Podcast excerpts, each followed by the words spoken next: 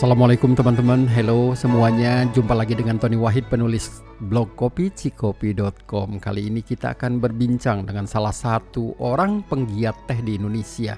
Sebagaimana episode 26 saat itu gua berbincang dengan Mbak Ratna Somantri Tapi kali ini kita akan berbincang dengan Oza. Gua ketemu Oza beberapa tahun yang lalu pada sebuah event yang diadakan di kota Bandung. Dan kali ini Oza dalam perbincangan di podcast akan memberikan banyak informasi, tapi utamanya ada sebuah lomba yang mirip dengan Indonesia Barista Championship, tapi ini tentu tentang teh. Dan event ini pertama kali diadakan di Indonesia. Pemenangnya akan dikirimkan ke kejuaraan yang sama untuk tingkat dunia. Dan tentunya banyak lagi informasi lainnya yang disampaikan Oza pada podcast dadakan ini pada saat dia menghubungi gue dan langsung gue ajakin podcast.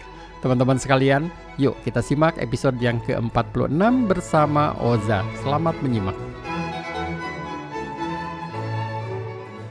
Halo Oza. Halo Kang Tony. Halo. Alhamdulillah Oza.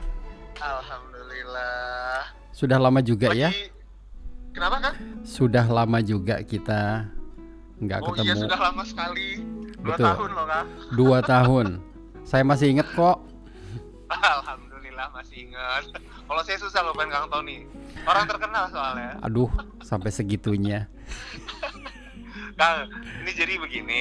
Gimana? Eh, saya, saya intro dulu ya tentang kompetisinya. Boleh? Jadi itu kan eh, saya itu selaku ketua panitia juga ya, ketua panitia, pokoknya penanggung jawab lah. Saya bawa event dari luar namanya Team Masters Cup. Team Masters Cup itu dia kompetisi teh eh, internasional. Sekarang partisipannya udah ada 20 negara. Nah, Indonesia ini tahun ini jadi yang pertama. Jadi itu setiap tahun eh, negara-negara yang jadi partisipan, mereka tuh ngirimin juara nasionalnya untuk dilombain di kompetisi internasional. Jadi mirip-mirip kayak World Barista Championship lah. Jadi yang dikirim itu tehnya atau sekaligus sama orangnya? Orangnya, Orangnya. Oke. orangnya. Ah-ah. Ya mirip-mirip begitulah. Mirip begitu ya. Oke. Nah, jadi sebenarnya memang konsepnya mirip banget kayak World Barista Championship. Pemenang dari nasional kemudian dikirim ke apa namanya? dikirim ke kejuaraan dunia. Dan saat ini yang event untuk dunia diadakan di Indonesia. Eh, bukan, kalau sekarang yang pertama kali dibikin ini untuk Event. event, nasional. Oke, ini jadi event nasional yang nanti akan dikirim Ya. ke event dunia. Oke, got it. Betul. Nanti kita ngirim perwakilan untuk apa? Untuk mewakili Indonesia lah. Dan ini pertama kali diadakan di Indonesia, Za. Pertama kali diadain di Indonesia. Dan bisa dibilang ini juga event kompetisi teh serius pertama juga Dan an- di Indonesia. dan minat peserta gimana, Za? Peminat alhamdulillah untuk uh, scope teh yang bisa dibilang kecil bagus. Kita kan memang uh, dibikin uh, dibikin mungil dulu nih. Kita maksimal peserta 8 8 orang untuk setiap kategori. Itu tuh sekarang slot mungkin keisi udah berapa ya 70% lah. 8. Gitu. Oke. Kategorinya apa aja? Kategori itu eh, ada empat. Yang pertama itu ada tea preparation. Jadi tea preparation itu nyiapin teh, nyeduh teh dengan benar dengan atraksi-atraksi. Oke. Yang kedua itu ada tea pairing, nyocokin makanan sama teh mirip kayak wine pairing. Terus ada tea mixology, nyampur-nyampurin teh sama eh, tea tasting. Tea tasting itu mungkin ya kayak kopi lah ya. eh, Cup- eh, gua nggak- dia cup itu kayak tasting. mencocokkan kenapa? Kalau di kopi cup tester. Ya mirip-mirip lah kayak gitu. Nah, cuma kalau kita sekarang yang kita adain tiga kategori eh, di kecuali di tasting aja. Jadi kita bikin ya di preparation, di pairing sama di mixology. Oh, jadi tiga ya. Ya kita bikin tiga karena kita khawatir di tasting peminatnya sedikit. Oh ya, Da- terus kita acara eh, kita sebenarnya dapat slot itu 24 sampai 27 full ya. Mm-mm. Eh, areanya juga satu hall sama area kopi kok. Kopi kalau nggak salah ada kompetisi juga kan ya? Biasanya kalau di FHI iya. Selalu ya. ha. Ya. Jadi kita kalau kopi itu di kiri atas, kalau kita tuh di kanan bawah. Tapi hallnya tetap di C2 juga. Ya, itu pengantarnya. Baik. Nah, ini pengen undang pengen undang Kang Tony nih. Karena kan saya ngelihat gini, Kang. Gimana tuh?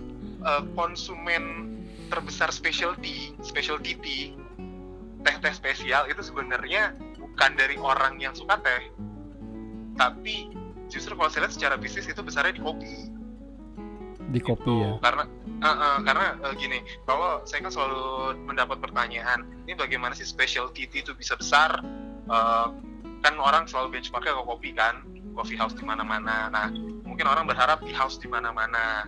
Gitu cuma kalau saya lihat mungkin agak susah gitu. Nah justru mudahnya itu kita bisa dibilang kayak nebeng di uh, apa namanya di ombaknya kopi sekarang yang lagi gila lah gitu makanya pengen ngundang Kang Tony. Kang Tony kan megang banget nih di kopi nih. Aduh nggak juga sih. Nah eh, supaya orang-orang kopi itu juga tahu teh itu sebenarnya kayak gimana sih? Gitu. Asik asik asik. Ya kalau seandainya tidak bisa apa? Ya tadi bagus sih nebeng aja di kopi ya. Eh, eh, daripada kita capek-capek babat alas kan? Betul lahannya sudah disediakan tinggal masuk. Eh. deh jadi. Tumpang sari dulu untuk sementara. Betul. Hmm, aku nanti di FHI ya. Mhm. ya pasti eh, ngeliput. Insya Allah nanti kita ketemu di sana.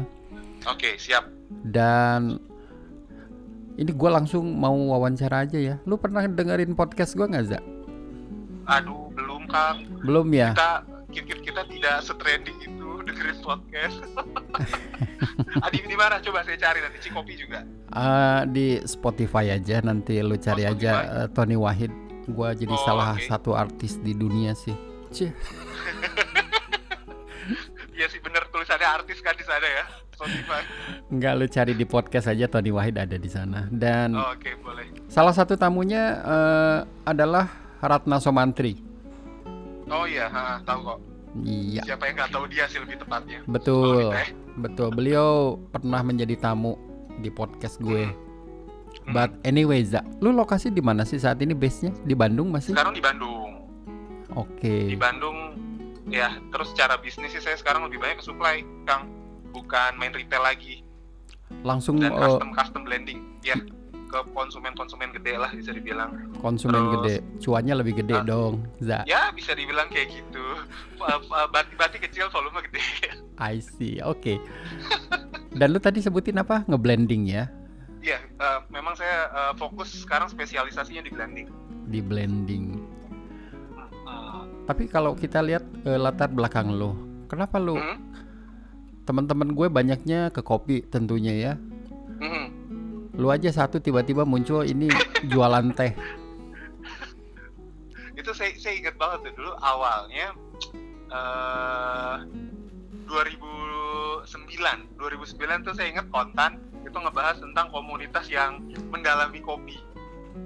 oke. Itu awal-awal awal mula kan ya kalian 2008 2009. Iya awal-awal banget tuh masih cupu-cupu lah. Heeh, itu tuh dulu tuh saya pengen banget tuh belajar kopi justru ngelihat kok kayaknya menarik ya. Ketika coba dieksplor ternyata keburu kecemplungnya di teh. Masuknya ke teh ya? Ma- masuknya malah ke teh. Dan ternyata teh kok seru banget ya. Eh karena kan saya langsung belajar waktu kan di kebun lah bisa dibilang. Kebunnya di mana waktu itu. Eh, waktu itu kebunnya temen di daerah Ciwidey. Ciwidey. Em- eh, emang lu sampai ke apa sampai magic momennya apa sampai ah gua mau ke teh aja Oke, magic moment itu sebenarnya ketika lagi main ke kantornya temen, itu kantor apa pabrik ya. Pokoknya lagi datang ke tempatnya dia yang memang dia pengusaha teh, yang punya perkebunan. Itu saya tuh nyobain satu teh yang rasanya enak banget. Itu apricot black tea saya ingat. Dan dari situ saya mikir gila kok ternyata teh bisa enak ini ya. Beda banget sama yang lain-lain. Nah, dari situ tuh baru kemudian saya cari tahu sebenarnya teh itu di luar kayak gimana sih? Dan ternyata di luar negeri kan sangat-sangat seksi bukan seksi ya cuma bergeraknya sangat bagus lah dan bergairah industrinya. Makanya dari situ saya mikir nih eh, barang banyak ba- banyak barang bagus dari Indonesia ya udah kita cobain aja lah motong jalur yang selama ini selalu diekspor saya jual ke dalam negeri. Tapi kalau tadi lu sebutin di luar Indonesia itu misalnya di mana tuh? Di ASEAN Eh, saya benchmark waktu itu ke Amerika, terus Amerika. ke Eropa. Di dua tempat itu ya? Nah, eh, Amerika. Eropa dan waktu itu kalau nggak salah TWG udah eh, baru buka. Gitu dan ngelihat TWG kok bagus ya. Ya jadi banyak benchmark lah ke yang kelasnya kelas-kelas klasik gitu. Dan lo putusin gua mau ke teh aja sejak saat nah, itu. nah, diputusin akhirnya teh aja seakan Udah mendapatkan iya lu seakan mendapatkan wahyu. Sama sih sama gue waktu itu. Sama ya? Iya. There is a light at the end of the tunnel. Eh, ya kalau gua bukan light kopi gelap. Lu agak bening-bening dikit sih. Ternyata ada cangkir di ujung ya kan? Hitam cangkirnya. Seru sih. Eh, dan pada saat udah nyicip lu dapet magic moment. Selanjutnya ngapain tuh Za? selanjutnya setelah itu langsung mutusin ya udah deh coba eh, jadi kan saya ngelihat selama ini nih eh, ini wawancara jadi panjang nggak apa-apa kan Gak apa-apa. Jadi saya ngeliat kan gini, ada Oke. sebuah ironisan yang terjadi. Eh, saya tinggal di Bandung, Mm-mm. kemudian eh, 70% perkebunan itu di Jawa Barat. Tapi saya sebagai orang yang tinggal di Bandung dan saya tanyain teman-teman saya juga yang sebagai orang tinggal di Bandung, mereka tuh nggak pernah tahu teh yang bagus tuh kayak gimana. 70% kebun teh 70% ada di provinsi Jawa Jawa Barat. Oke. Uh, uh. Dan memang pertama kali teh pun di, di apa namanya ditanam itu di Jawa Barat. Dari Belanda ngebawa teh dan mengkultivasi teh. Tapi sebagai orang sebagai tempat yang uh, mendapat paparan teh pertama kali, ya orang Jawa Barat tuh tahu apa tentang teh? Kan ini nol banget bisa dibilang. Kita punya kebun duren di belakang rumah, cuma kita nggak pernah nyobain kebun nggak pernah nyobain buah durennya sama sekali karena buah duriannya selalu dilariin ke desa tetangga misal Misalnya ya. gitu Mm-mm. Eh, klasik lah sebenarnya klasik cerita klasik komoditas Indonesia gitu jadi ketika saya tahu kualitas ternyata bagus saya punya akses ke sana ya saya coba jual ke dalam negeri sendiri Lalu sesudah itu eh, sudah Hah? langsung bisnis atau lu Langsung. ikutan kelas jadi dulu waktu itu eh, waktu kan masih kuliah ngerjain skripsi di mana lu Eh, kuliah? mumpung lagi berganti bisnis waktu itu bisnis yang lama ditutup Ah. saya akhirnya saya masuk ke teh jualan eceran Lu kuliah di mana? di Unpad Kang Tony Sama dong kita. Oh sama. Angkatannya tapi nggak sama kan kak? Wah, kalau gua sih angkatan milenial, lu nggak usah nanya deh. Fakultas apa dulu, Za? Eh, ekonomi kang.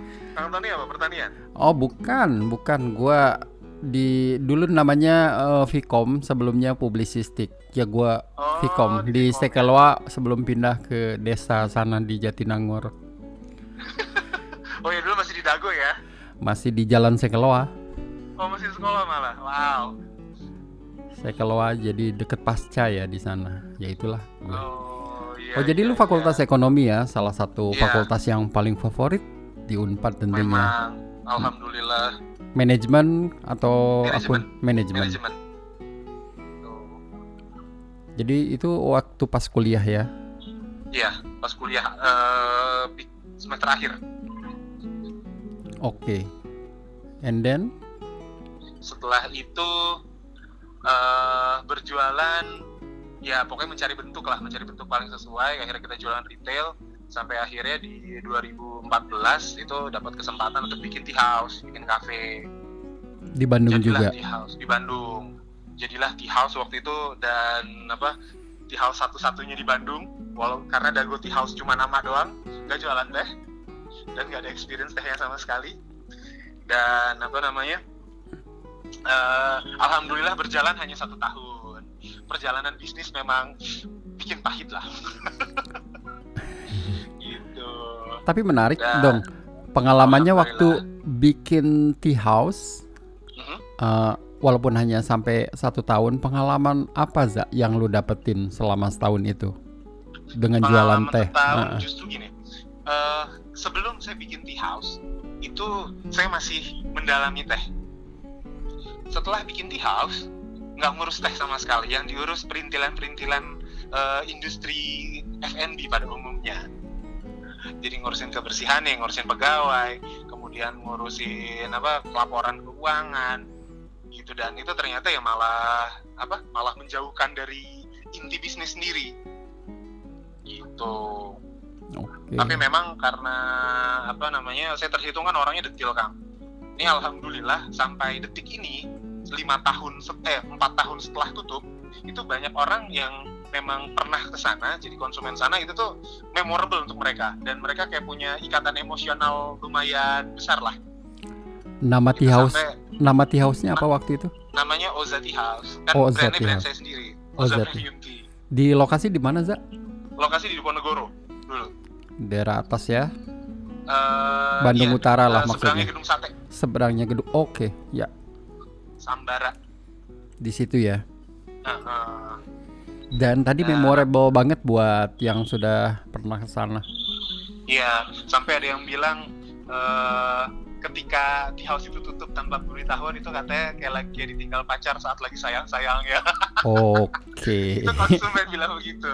Itu wow, berarti memang sangat melekat di hati ternyata. Dan lu nggak ada planning untuk buka lagi, Za? Insya Allah ada. Ini Ada. sekarang lagi apa? Lagi proses sih. Dan mungkin dalam waktu dekat ya. Ya, insya Allah dalam waktu dekat tahun inilah. Mudah-mudahan, Za, dikabulkan Mudah. secepatnya. Amin. Nah, terus eh, di 2000 akhirnya di 2018 itu kan saya berusaha bertahan tuh karena sebenarnya kejatuhan itu bikin terpuruk lah Kang. 2015 agak susah mencoba bertahan hidup sampai akhirnya di 2000 eh, saya saya putusin ini saya kalau mau maju bisnis lagi kayaknya harus belajar dulu. Nah, akhirnya saya belajar berguru lah ke apa namanya ke guru orang Australia dia memang ahlinya ahli blending Di mana, Za, belajarnya waktu itu? Eh, waktu itu belajar di Singapura Sejauh tapi itu. dia Mm-mm. eh, lembaga lembaga Australia Itu eh, institusi untuk khusus teh atau iya untuk teh khusus. namanya apa? namanya Australian Tea Master. Di Singapura ya. Eh, waktu itu memang dia lagi buka kelas di Singapura. Itu suntikan teori. Karena sisanya karena ini dunia blending ya. Dunia blending itu eksplorasinya harus luar biasa. Jadi sampai sekarang aja saya tuh memang masih terus eh, ngelakuin percobaan trial error gitu. Dan sebenarnya eh, apa sih justru kalau mau dibilang belajar ya saya waktu ngambil kursus du- 2017 sampai sekarang ya berarti hitungannya dua tahun lebih masih belajar aja terus Oke, dan gitu ngomong-ngomong biayanya berapa, Za? Ikutan sekolah gitu. Eh, hampir 30 lah waktu itu 30 jutaan. iya hampir 30 juta Oke, jadi buat teman-teman nanti yang mau ikut belajar teh ya 30 juta lah siapinnya kalau mau ke sana. iya itu itu yang apa namanya kalau yang mau jalan cepet kayak gitu. Kalau jalan sing jalan apa jalan organiknya lebih susah lagi. Karena kan harus langsung main ke kebun ngobrol-ngobrol sama produsen gitu. Dan di Indonesia belum ada ya sampai apa yang bisa kayak gitu? Untuk Iya sa- sangat sedikit memang. Tapi ada maksudnya sekolah yang oh sekolah sebenarnya Baratna kan bikin tuh Bang Tony ya nanti katanya mau di launching ya Iya. secara official.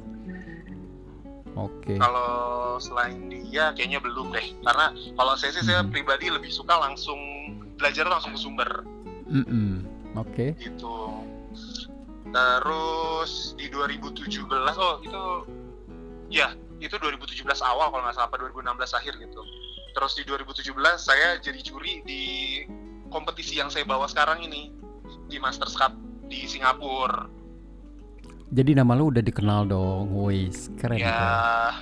ya kalau yang kenal saya kenal lah Kak. kalau belum kenal ya belum kenal dong Jadi judge di Singapura pula. Apa sih yang dilombakan waktu itu, Za, di sana? waktu itu eh, yang dilombain dia tuh ada tiga kategori ya kategori tea tasting terus kategori tea pairing sama kategori tea mixology eh sorry tea preparation Di preparation. Ah, ah. Oke. Coba gua tanya nih, Za. Salah satu kategori preparation. Preparation seperti apa yang dilombakan itu dan kenapa itu begitu eh, begitu penting sehingga dilombakan? jadi sebenarnya kan preparation itu adalah proses menyiapkan teh dari apa namanya dari daun kemudian eh, tersaji di meja konsumen Oke. modalnya itu sebenarnya hanya air panas. Ya. Tok. ini berbeda dengan kopi yang memang ada apa uh, espresso menjadi suatu standar jadi mesinnya jadi suatu standar kalau di teh itu alhamdulillah belum ada standar kayak gitu jadi memang modal air panas tapi teh itu setiap jenis perlakuannya beda-beda jadi teh hitam teh hijau teh putih ulong puer itu tuh uh, punya waktu seduh masing-masing dan punya suhu seduh masing-masing oke okay. gitu jadi walaupun model air panas cuma keandalan orang yang menyajikan mm-hmm. itu sangat berpengaruh nanti ke hasil akhir. Oke. Okay. Gitu dan uh, bagaimana cara seduh itu akan sangat mempengaruhi ke rasa. Jadi walaupun daunnya harganya mahal, tapi ketika uh, careless orangnya, ketika nggak peduli, itu hasil optimal nggak akan keluar. Nah makanya itu dilombain. Dan gitu teknis lombanya apakah tehnya ditentukan atau boleh milih sama si peserta? Jadi kalau di tim Masters Cup itu ada dua teh yang dipakai. Jadi uh, teh yang dibawa oleh ini kita sebutnya tuh uh, organizer tea sama master tea. Kalau organizer itu teh yang disediakan oleh komite sama panitia sama organizer. Nah, kalau master tea itu teh yang dibawa oleh peserta langsung. Dan Jadi, dikasih tahu nggak itu nanti yang di uh, dikasih tahu sejam sebelumnya kalau dari organizer. Jadi memang okay. dipersiapkan uh, apa namanya supaya mereka harus siap tehnya teh apa pun harus bisa seduh hasilnya enak. Dengan kata lain, kalau lo mau ikutan lomba, lo mesti menguasai dulu berbagai macam teknik seduh ya. untuk beragam jenis teh. Betul. Kira-kira gitu kali ya? Kira-kira begitu. Ya, alhamdulillah ribet. Wow. Waktu itu yang pas saya ngejuri di Singapura, huh? justru yang menang nih orang kopi. Tuh kan, orang kopi memang sophisticated kadang-kadang ya, terlalu nah, sophisticated. jadi dia dia tuh waktu itu nyeduhnya pakai sifon. Pakai sifon dan dipakai nah, seduh buat teh. Dipakai seduh buat teh dan rasanya ternyata enak banget. Oke. Okay. Tapi umum nggak alat sifon digunakan untuk menyeduh teh? Sebenarnya nggak terlalu umum Oh enggak ya? Karena uh, enggak terlalu umum. Uh, biasanya orang yang punya latar belakang kopi yang berani untuk nyoba. Karena kalau orang yang berlatar belakang uh, dia mulai dari teh aja dia akan pakai cara konvensional. Paling tuh uh, nanti larinya ke seduh uh, standar, seduh standar tuh uh, cukup dengan air panas dan apa namanya? Jadi ada rasionya, rasio satu banding 100 terus suhunya tuh suhu standar juga. Uh, kemudian yang cara seduh gula tuh kongfucha cara seduh Cina. Iya. Nah jadi biasanya orang kebanyakan hanya bermain di dua itu. Waktu gua ke Malaysia gua pernah sih diajarin sedikit sama gua kan ke pabrik di Malaysia. Uh, di bawah uh. dan pemilik pabriknya ya seneng teh dia sih cuma uh. ngasih tahu aja begini nih caranya gongfucha katanya oh, oke okay. nice kata gua uh, jadi kayak gimana ya syuting jadi uh, ya gue seneng banget liatnya dia luas gerakannya. Nah, memang kalau Kongfucha itu sebenarnya gaya seduhnya gaya seduh casual, dia kan. Casual kalau ya. Gaya seduh uh, casual. Kalau formal itu nanti larinya ke maca, ke chanoyu, upacara jadi. I see. Gitu. Mungkin Sanoyu itu kayak apa ya kalau di kopi upacara teh di Ethiopia eh upacara kopi di Ethiopia. Kopi Uh, Lu lihat aja nanti. Masuknya, uh, masuknya itu ke kelas apa kelas uh, semi ritual lah.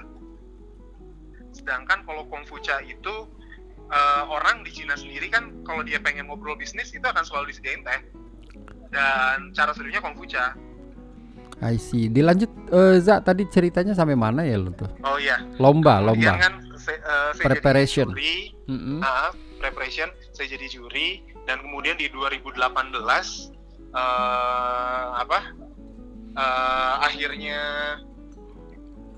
uh, saya ada pabrik sendiri di daerah Ciwidey pabrik pengolahan kita ngambil pucuk dari petani langsung dan itu sekarang ya kita main lebih banyak ke apa namanya ngelayanin permintaan konsumen lah gaya lu punya pabrik pengolahan uh. keren dong ya alhamdulillah Alhamdulillah. Alhamdulillah. sikat lah. Alhamdulillah Jarang-jarang soal kesempatannya datang. Betul betul dan alat-alat untuk pengolahan gue pernah lihat sih di puncak ya apa sih? Hmm. Alat-alatnya ya. Nah, di Gunung Mas ya. Di Gunung Mas. Mm-mm. Lumayan juga dong gede-gede itu alatnya. gede-gede. Cuma memang bedanya adalah karena kita ini skala-skala kecil, Mm-mm. jadi kan memang benar-benar eh, apa ya nyebutnya ya artisan lah ya lah. Padahal skala kecilnya artisan bilangnya. itu kita alat kita buat sendiri semua. Jadi kita nggak beli dari Oh luar. ya? Oh. Nah, oke. Eh, kan biasanya kalau alat Jerman itu satu biji bisa 400-600 juta. Wow. Alat Cina jauh lebih murah. Cuma jauh lebih murahnya ya satu 100 juta 200 juta. Gitu. Nah kita karena buatan sendiri, eh, alhamdulillah bisa dipangkas lagi biayanya. Keren. Cuma hasilnya tetap bisa bagus kok. Wow, lu sampai bikin alat sendiri ya? Ya terlepas dari untuk memotong ongkos Iya. production, Nah, eh, hebat, hebat banget. dan kemudian eh, karena memang udah ada pabrik pengolahan sendiri akhirnya kita eh, fokus sekarang memang banyak layanan konsumen. Jadi terakhir kita dapat pesanan dari Singapura dia minta custom blending karena apa ya kita punya kelebihan bahan baku lah bisa dibilang bahan baku kita seger gitu. Kita sekarang juga kerjasama sama petani untuk ingredient-ingredient. Jadi kayak eh, kan kalau di tea blending kita kan nyampurin macam-macam tuh kang. Iya. kayak serai lah eh, kita ada bunga buah-buahan kering terus herba eh, rempah gitu. Kita sekarang kita berusaha banget untuk sourcing langsung dari petani gitu. Cuma memang untuk bunga masih susah karena bunga itu kebanyakan di Indonesia untuk potong karena bunga potong pestisida karena kan harus cantik. Sedangkan kita kan menghindari eh, terlalu banyak pestisida lah Jadi betul-betul diusahakan itu tanpa pestisida, organik ya, ya? diusahakan nggak nggak nyampe organik Nggak sampai, karena eh, konsekuensinya banyak jadi diusahakan tanpa pestisida Diusahakan. Dan pabriknya ada di Bandung juga. pabrik di Ciwidey di Bandung Oh di Ciwidey ya, ya Bandung Nah, eh, Selatan. Panjang juga ya Ja perjalanannya. ya alhamdulillah Sejak-. Alhamdulillah gue ikut seneng dong. Kan gue ingat lu nawar apa eh, apa membawa teh waktu kita ketemu ya. Ini Iya, mereknya ah. Oza dan lain sebagainya. Nice. Hebat Za, gue ikut seneng. Dan terima kasih kang tadi lu udah disampaikan juga lu udah sampai ekspor ke Singapura. Selain negara itu ada negara lain nggak Za yang Eh, lu belum kirim? cuma Belum. memang kita sih harapannya itu tuh bisa bermain gak cuma di dalam negeri lah karena kan eh, kita bisa dibilang negara produsen dan eh, salah satu kekuatan kita ada di blending juga jadi untuk negara-negara yang eh, saya lihat minimal aja ASEAN aja itu sebenarnya bisa banget disuplai Oke. Coba gua bandingkan dengan kopi ya. Aha. Kalau di kopi mungkin tidak ada yang namanya kopi Indonesia sebab kita terbentang dari Papua hingga ke Gayo di Aceh sana. Masing-masing punya Oke. kekhasan masing-masing. oke Kalau di teh kayak gitu nggak Za? sama. Jadi masing-masing Nah, wilayah atau provinsi. gini, Kang. Oke. Eh, kalau di luar eh, apa namanya di luar negeri itu selalu terkenal dengan istilah terroir Sama di Nah, kopi juga ada sama istilah itu. kopi ya. Ha-ha. karena kan setiap negara kan punya hasil beda-beda. Ya. Nah, kalau kopi, eh, kalau teh Indonesia dulu setiap kebun punya ciri khas masing-masing. Dulu Dulu. karena bibitnya berbeda, Oke. bibit tehnya. Jadi kebun eh, yang berdekatan sekalipun kemungkinan besar punya apa namanya? punya bibit yang berbeda. Cuma sekarang itu mulai berubah. Saya saya eh, saya agak lupa mulai kapan. Cuma eh, guru saya yang memang di teh lebih senior dan lebih jago, dia bilang kalau eh, mungkin 10 tahun ke belakang kali 10 tahun atau 15 tahun ke belakang itu tuh rasa satu antar satu kebun sama kebun lain udah mulai mirip karena ya bibitnya sama ternyata klon yang dipakai sama I see. Oke. gitu karena kan bisa dibilang klon ini dikeluarkan eh, hanya oleh beberapa apa beberapa nyebutnya apa ya, lembaga lah beberapa lembaga aja. Gitu. Dan ketika ada sebutan ini bibit unggul itu akan langsung diadopsi semua. Dan banyak perkebunan yang seakan-akan kayak berlomba-lomba gitu. Menanam bibit yang lagi ngehits Iya maksudnya. menanam bibit yang lagi hits. Kalau saya ngebacanya begitu. Nah, tapi kalau secara uh, global, teh Indonesia itu terkenal uh, punya karakter yang bold. Rasanya tuh kuat, bulat. Dan karena kita di negara katulistiwa, kita tuh punya curahan matahari yang banyak, jadinya teh kita uh, saya pernah baca penelitian waktu itu bilangnya teh Indonesia itu lebih banyak kandungan antioksidannya daripada teh-teh lain. Dengan kata lain lebih bagus. Iya, uh, lebih sehat. Lebih sehat. Karena kan antioksidannya lebih tinggi. Tuh. Gitu. Gua aja Cuma kalau saya pribadi saya memang ngerasain teh Indonesia rasanya uh, solid lah. Uh, kan kalau kayak teh Cina uh, dia tuh rasanya mendayu-dayu di mulut, menari-nari. Sabtol ya. Gitu. Kenapa? Sabto. Ya bisa dibilang begitu. Nah, terus teh India itu juga walaupun teh hitam rasanya mirip juga. Teh Darjeeling kan? Uh, uh, Darjeeling. Dan mungkin kasusnya sama ya kalau gua gua tuh selalu ingat dengan India ini. Gua ke sana beberapa tahun ke belakang. Ke Darjeeling?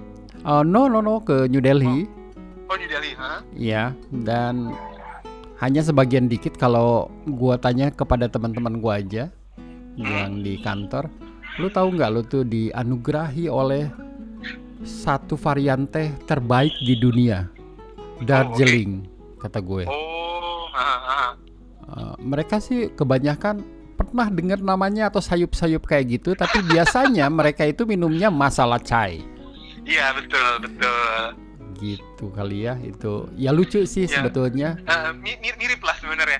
Yang biasa orang lokal selalu dapat apa namanya dapat kualitas yang begitu. Yang tahu tuh di luar negeri. Iya. Kok lu tahu? Tahu kata gue ya kan ada di buku itu informasi yang bukan sophisticated juga umum kok. Mm -mm Hmm, oke. Okay, jadi Tapi memang Darjeeling hmm. tuh harganya kenceng banget, Kang Tony. Kenceng ya? Kenceng banget. Jadi saya pernah dapat penawaran ini memang tehnya teh juara sih. Uh, dia itu harga jual dari kebun ke kayak saya ke Packers hitungan ya. Ke orang yang mau jual lagi ke bisnis itu 550 dolar per kilo. Wow. Jadi 7 juta. Itu kita mau jual berapa ya? 7 juta ya? uh, uh, itu Darjeeling dan itu dari perkebunan organik tertua di sana sekilo ya Za kita ngomongin. Sekilo. Tapi sekilo kan seandainya kalau kita beli kan itu lama seduhnya ya Za.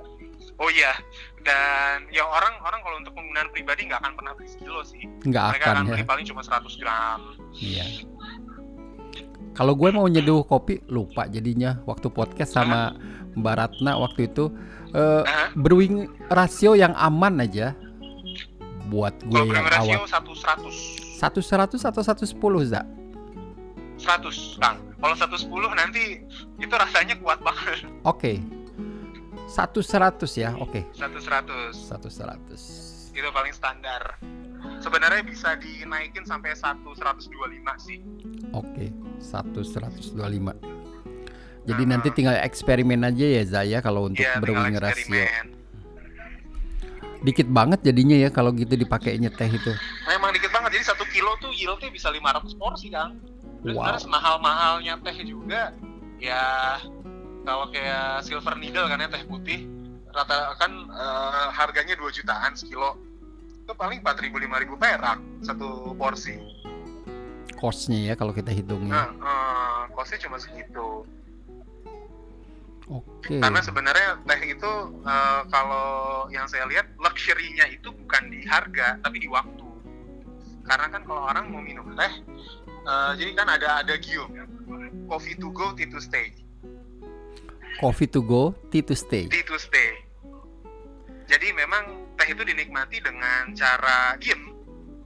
Jadi kita harus meluangkan waktu yang benar-benar mewah untuk orang sekarang, mulai dari jerang airnya, kemudian kita menikmati proses seduhan sampai akhirnya kita minum pelan-pelan betul-betul dinikmati betul-betul dinikmati dihayati uh, uh. oke okay. dan yang mengasihkan satu lagi pengalaman gua paling ya di Hong Kong apa ya uh, oh itu yang minum teh pagi-pagi sama yamcha istilahnya oh yamcha ha, dimsum dimsum ya itu kebiasaan orang Canton katanya. Kebiasaan Hong Kong. Ah, ah. Iya memang itu biasanya kalau jadi salah satu apa namanya salah satu patokan untuk pairing pairing itu kan kalau di wine uh, patokan umumnya adalah daging merah dengan wine merah. Iya. Uh, Ikan sama white wine. Uh, iya daging putih sama putih sama white wine. Nah kalau di teh itu sebenarnya ada patokan mirip kayak gitu juga. Cuma yang paling mudah adalah cocokin makanan dengan teh aslinya. Jadi yamcha dengan Chinese tea, uh, dimsum kan ya. Terus kalau kita mau makan apa namanya makan makanan Padang ya khas Sumatera itu kan kayak teh vanila gitu. Jawa ya tentu dengan apa namanya dengan uh, teh melati terlepas dari kualitasnya seperti apa. Tapi kira-kira itulah yang cocok ya Ya, kira-kira itulah yang cocok. Oke, kalau lu tadi ngomongin ada gium, gua juga mau hmm. ngomongin nih ada gium di kopi. Kalau kalau lu udah masuk di kopi, kayaknya lu akan susah deh keluar susah dari industri ya? ini. Heeh. Nah, kalau di teh, apakah ada kayak jebakan Batman dalam tanda kutip kalau lu udah masuk di teh, kayaknya lu akan susah juga untuk melupakan experience atau pengalaman saat lu minum teh kalau saya bilang iya sih. Iya juga gitu, ya, sama ya. Uh, karena saya perhatiin uh, terutama teman-teman ya yang ada di perusahaan-perusahaan lebih gede, mereka tuh jarang banget pindah industri. Stay di situ. Gitu, karena mm-hmm. iya, banyak kan stay di situ. Karena kayaknya untuk pindah industri satu secara profesional pun mereka ketika lintas industri nggak akan terlalu dihargain kan skillnya. Satu, secara profesional. Nah, kalau secara emosional ya memang gimana ya teh itu penuh dengan cerita gitu. Bukan semata duit doang. Cerita di balik teh gitu ya. Kaya. Ya. jauh lebih kaya Karena, sih sebetulnya dibandingkan kopi.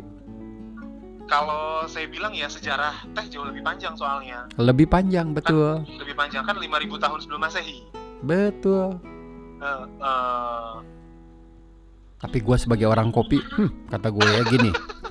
Nggak bisa kayak gitu Amerika peminum teh gara-gara musuhan tuh sama Inggris itu teh dibuang-buangin. Iya, Boston Tea Party tahun 1773 kata gue.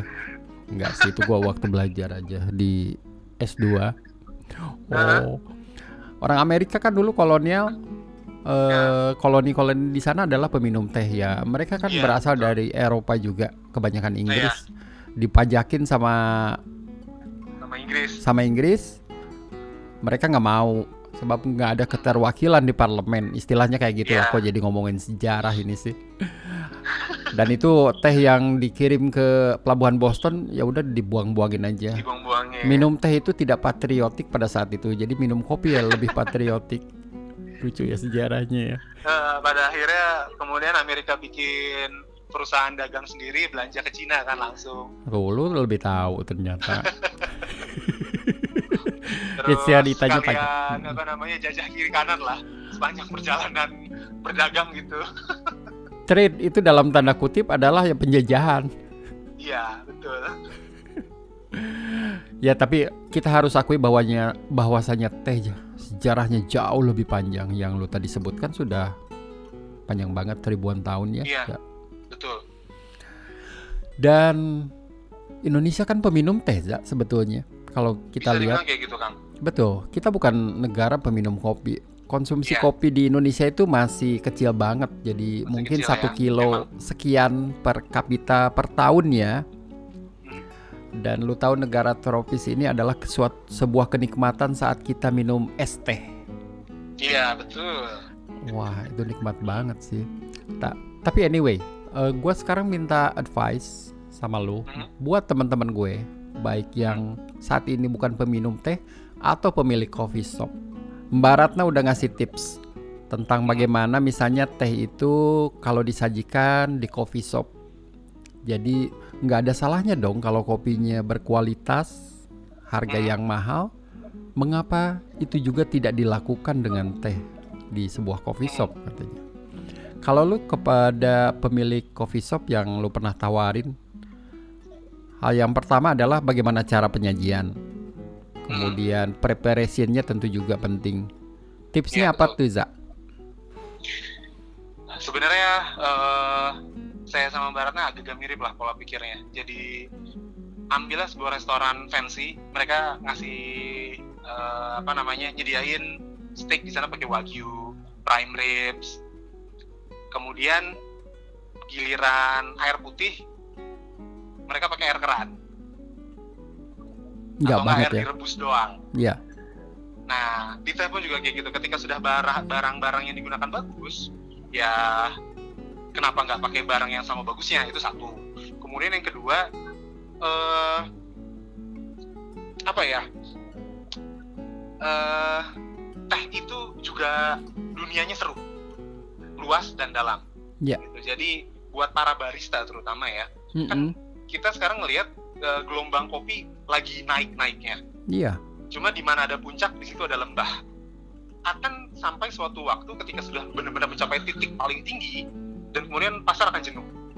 Baik dari sisi konsumen maupun dari sisi produsen. Iya. apa yang mau dilakuin lagi? Teh bisa dibilang jadi solusi. Bentar, belajar bentar, teh. Bentar. Lu tuh ngomongin eh, teori ekonomi tentang equilibrium. nah begitu Keseimbangan pasar, supply, demand, bla bla bla lain lah. Gua sih nggak terlalu tahu. Lu yang jauh lebih tahu. Silahkan dilanjut. sudah su- sudah sudah lupa zaman kuliah sudah berlalu lumayan lama Tapi eh, itu kan intinya sebetulnya ya. Oke. Iya karena eh, pasar akan selalu mencari keseimbangan Mm-mm. gitu. Jadi saya ngelihat teh ini bisa menjadi eh, ini sebenarnya ngobrol juga sama orang-orang kopi di Bandung ya. Eh, Iya. Orang-orang yang memang sudah lama bermain kopi, mereka kan punya beberapa pilihan. Eh, biasanya ada yang belajar ke wine, kemudian ada yang belajar ke gelato, belajar susu, yogurt. Karena kan tipe orang kopi adalah tipe pembelajar semua kalau saya perhatiin. Iya. Gitu. Nah, nggak terlalu banyak yang ngelirik teh, karena uh, mungkin mereka lihat teh itu uh, apa ya? Mungkin dipandang sebelah mata karena kebanyakan mereka mengonsumsi teh celup. Mungkin juga mereka ngerasa terlalu kompleks, gitu. Tapi Mm-mm. ya sebenarnya teh itu fun dan apa sih bisa jadi dunia baru lah yang enak untuk dieksplorasi. Jadi kalau gua ngelihatnya dari dulu gini sih Zaya. Yang pertama ya, kalau lu udah nyediain kopi yang bagus, kenapa itu juga tidak dilakukan hal yang sama, treatment yang sama dilakukan untuk teh. Keduanya sama-sama Ya. minuman tentunya ya. Ya, Kedua, mungkin lu sayang banget Indonesia ini. Komoditas teh ini kan yang tadi lu bilang banyak banget. Dan kenapa kita tidak melirik komoditas yang sudah ada juga di Indonesia dan lalu kita sajikan sebaik mungkin. Dan tentu sama dengan kopi, ceritanya tak kalah jauh lebih banyak dengan kopi, masih banyak yang mesti dieksplor. Sebetulnya kalau gua lihat ya untuk membuat sebuah koneksi itu seperti salah satu chain coffee terkenal di dunia selalu membuat stories, cerita. Hmm. Lu masuklah ke chain situ dan lu akan tiba-tiba merasakan gua bukan hanya disuguhi oleh kopi, tapi ada hal lain di balik kopi yang membuat Iya. kita menjadi sebagai kayak eye opening misalnya. Iya, betul. Oh nyatanya proses untuk membuat kopi itu nggak gampang dari perkebunan, prosesnya pasca panen dan lain sebagainya, something like that. Dan kalau gue kalau gue sih kayak gitu sih pandangannya tentang teh ya. Sebab di Indonesia ini bagaimanapun adalah negara tropis kembali gue tegaskan es teh itu enaknya luar biasa. Percaya sama gue.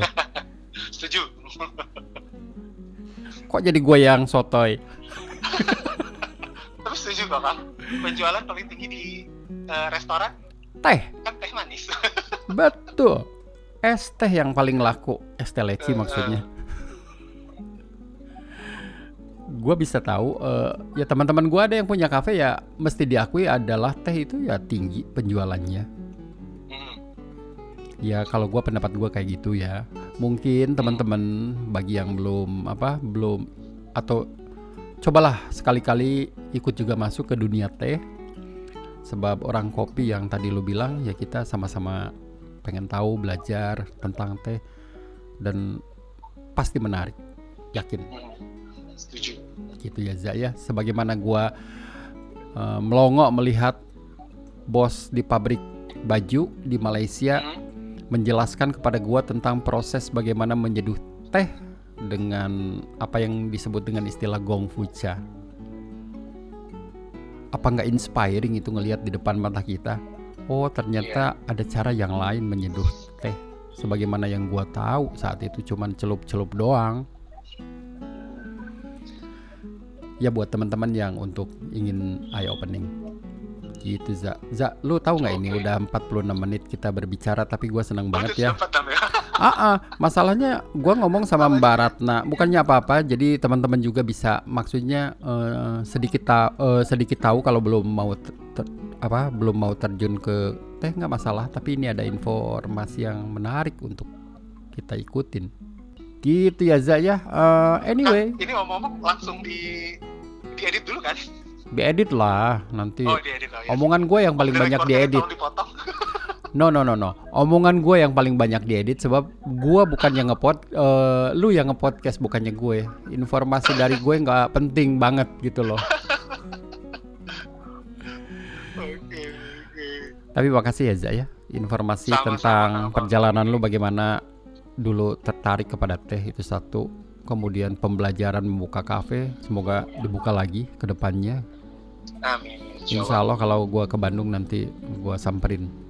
Siap. Mudah-mudahan sudah buka.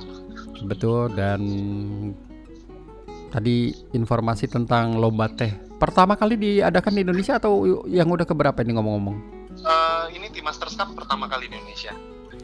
Pertama kali diadakan di Indonesia bersejarah banget ini momennya. Semoga sukses momennya ya eventnya. Amin. Mm-mm. Ya udah itu aja aja. Oke, siap. Sukses Kang selalu ya Zaya. Ini ngomong Kang Tony, eh, penyesuaiannya mantap juga ya. Kenapa tuh? Kita mengikuti zaman. Kenapa? Podcast. iya, maksudnya penyesuaian dalam artian eh, bisa spontan gitu. Hmm. Tapi ngobrol gue ya begini aja. Terima kasih kesempatannya. Berarti, eh, Hmm? nanti eh, yang ngontak Kang Tony eh, kayaknya orang yang ngurusin PR ya kan? Buat Boleh. detail-detail press release dan bla bla bla. Saya soalnya kurang paham juga begituan. Boleh nanti nanti gua info eh gua sebarkan juga kok di medsos gue di medsos Oke. gue Siap. Kalau begitu, dengan senang hati. atur nuhun Kang Tony Sami-sami Sampai sayang, terima kasih. di FHI ya. Amin. Makasih Za. Yuk, mari mari mari Za. Waalaikumsalam.